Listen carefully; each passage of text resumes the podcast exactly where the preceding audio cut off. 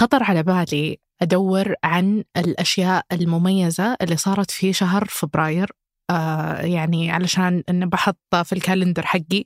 جميل. إنه مثلا حدث في هذا اليوم وكذا علشان أغراض إنتاجية. ما علينا. فلقيت إنه أمس آه 4 فبراير كان يوافق يوم آه وفاة آه أم كلثوم. مرت على وفاتها 49 سنة. فودي أسألك وش. ذكرياتك مع هذه الإنسانة؟ يعني هل تحبها تسمع لها ما تحبها؟ يعني أنا اللي أعرفه بعض الأغاني الشهيرة يعني زي ست الحبايب وغيره يعني اللي تظهر هذه الأغاني في لا المناسبات. لا لا لا هذه فايزة أحمد. بالله؟ إي والله.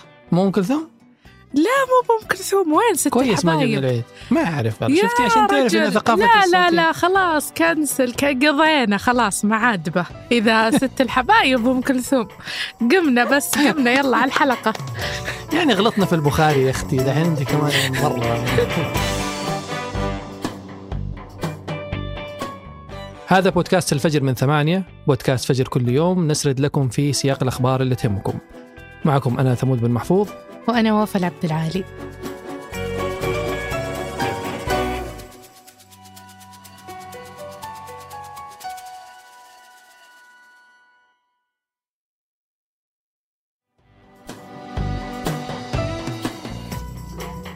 شركات الإعلام الرياضي الكبرى تخطط أنها تكون شريكة مستقبلية كبيرة في منصات المراهنات الرياضية على الإنترنت. والإحصاءات تظهر أن المراهنات على الألعاب الرياضية على الإنترنت أصبحت واحدة من أسرع الأسواق نمواً لدرجة أنه في السنوات القليلة القادمة الاستثمار فيها حيوصل إلى حوالي 110 مليار دولار. ولعل سبب ارتفاع الاستثمار الأهم هو دخول ان القناة الرياضية الأشهر إلى عالم المراهنات الرياضية على الإنترنت واللي عزز من أهمية الاستثمار في هذا السوق. وكانت ان قبل فترة اشترت شركة وسائط المراهنات Vegas Stats and Information Network وبعدين أطلقت ESPN في نوفمبر الماضي ESPN Bet اللي استثمرت فيها شركة Penn Gaming 2 مليار دولار وهذا الشيء مكنهم من الحصول على 8% من سوق المراهنات. وعشان تروج لهذا الشيء استخدمت ESPN شراكاتها مع وسائل الاعلام المختلفه والشخصيات الرياضية الكبيرة واعتمدت أيضا على جوانب ترفيهية ثانية زي المشاركة في الأفلام السينمائية اللي تعتمد على قصص بعض الألعاب الرياضية. ولسنوات عديدة كانت شراكات ESPN بمثابة الحصان الرابح لأغلب شركات المراهنات العالمية زي FanDuel و DraftKings وغيرهم. وهذا كله قبل ما تقرر تكون جزء من هذا السوق. فقبل كذا سوت ESPN شراكة مع DraftKings الشركة الخاصة بالمراهنات في برامج البودكاست الرياضية الأشهر. زي برنامج The Dan Le Batard Show و Pablo Torre Finds Out بالإضافة إلى برنامج ثاني اسمه All the Smoke وغيرهم.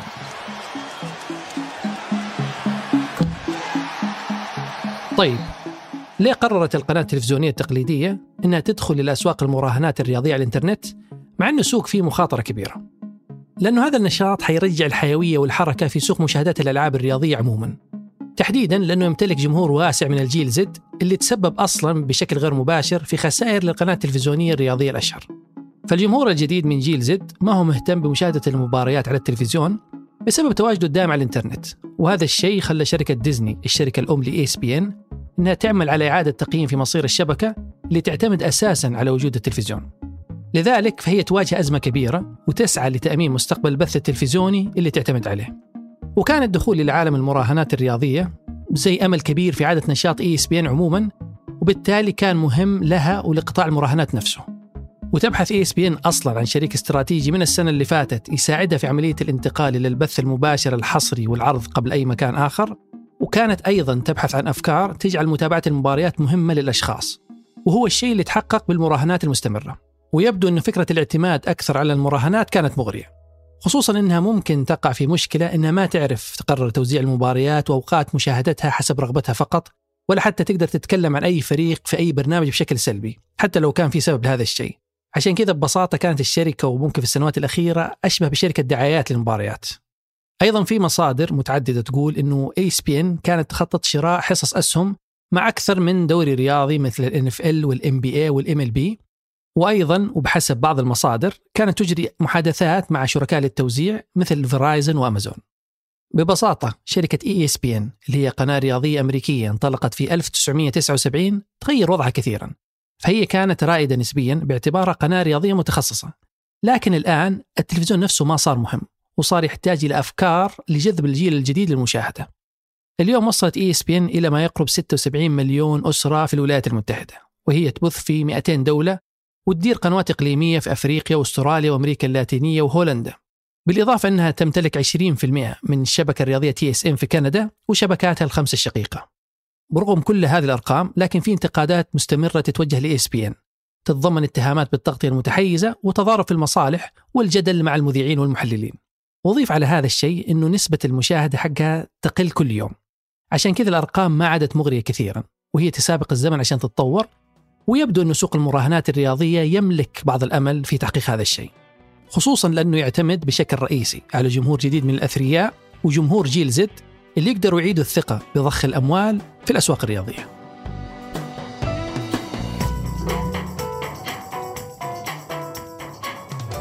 وقبل ننهي الحلقة هذه أخبار على السريع. وزير الخارجية الأمريكي أنتوني بلينكن بيسافر للسعودية ومصر وقطر والضفة الغربية في فلسطين من اليوم لين 8 فبراير. وهي رحلته الخامسة للمنطقة من وقت ما صارت هجمات 7 أكتوبر علشان يحاول يتوصل لاتفاق يضمن إطلاق سراح جميع الرهائن الباقين. ويتضمن هدنة تخلي المساعدات الإنسانية توصل بشكل مستدام ومتزايد للمدنيين في غزة. ويجي وقت هالرحلة بالتزامن مع موافقة أمريكية على تمرير مساعدات ثانية لجيش الاحتلال الإسرائيلي في حربه ضد غزة ويأكد أن أمريكا بتتخذ خطوات مناسبة للدفاع عن أفرادها. وزير الخارجية يقول أنه بيكمل في المناقشات مع الشركاء بخصوص كيفية إنشاء منطقة سلمية بين الكيان المحتل والفلسطينيين. وحرب جيش الاحتلال على غزة قاعدة تقرب من شهرها الخامس مع سقوط آلاف الشهداء وتهجير وإصابة أكثر من مئة ألف آخرين أكد سفراء كوربر اي اي على النص التوفيقي النهائي الموجود بخصوص الاقتراح المتعلق بالقواعد المنسقة بشأن الذكاء الاصطناعي. وقانون الذكاء الاصطناعي يعتبر علامة فارقة، خصوصاً أنه يمثل القواعد الأولى للذكاء الاصطناعي في العالم، واللي تهدف أنها تخليه آمن أكثر للحقوق الأساسية للإنسان. وكانت أزمات استخدام الذكاء الاصطناعي أشغلت العالم بعد عدد من المشكلات اللي تسببت في خوف قطاعات كبيرة. أهمها قضية دخوله في عالم الكتابة الفنية والصحفية اللي تسببت في إضراب كبير للكتاب في هوليوود لين توصلوا إلى حلول. وأيضا في مشاكل ثانية مثل استخدامها العشوائي في تركيب أصوات وصور للمشاهير. وهالشيء تسبب في ضرر كبير لهم واللي كان من ضمنها الصور الأخيرة اللي طلعت للفنانة تايلور سويفت واللي وصلت لدرجة أنهم يوقفون حسابها لين يعرفون مين اللي رفع هالصور على تويتر وإنستغرام. وهالقانون يخلي فيه أمل في إمكانية التحكم في استخدام الذكاء الاصطناعي بحيث ما يسبب ضرر لأحد.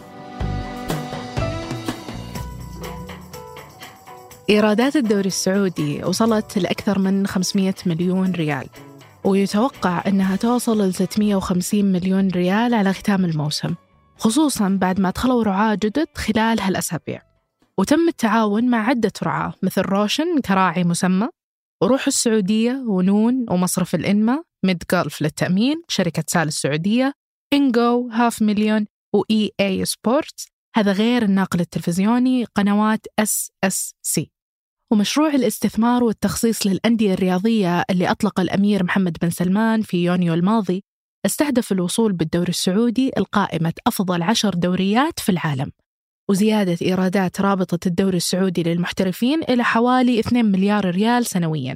هذا غير رفع القيمة السوقية للدوري السعودي للمحترفين من 3 مليارات إلى أكثر من 8 مليارات ريال. وبشكل عام تساهم الرياضة حاليا بنسبة 1% في الناتج المحلي السعودي وتستهدف أنها تحصل على زيادة إضافية بنسبة 1.5% خلال الفترة الجاية مثل ما قال الأمير محمد بن سلمان بلقاء تلفزيوني. والسعودية تشتغل خلال السنتين الماضية على جذب كم اسم عالمي مثل كريستيانو رونالدو ونيمار وكريم بنزيما وغيرهم.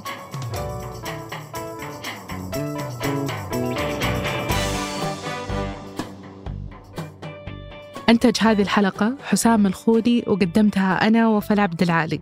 وأنا ثمود بن محفوظ. وحررها محمود أبو ندى. نشوفكم بكرة الفجر.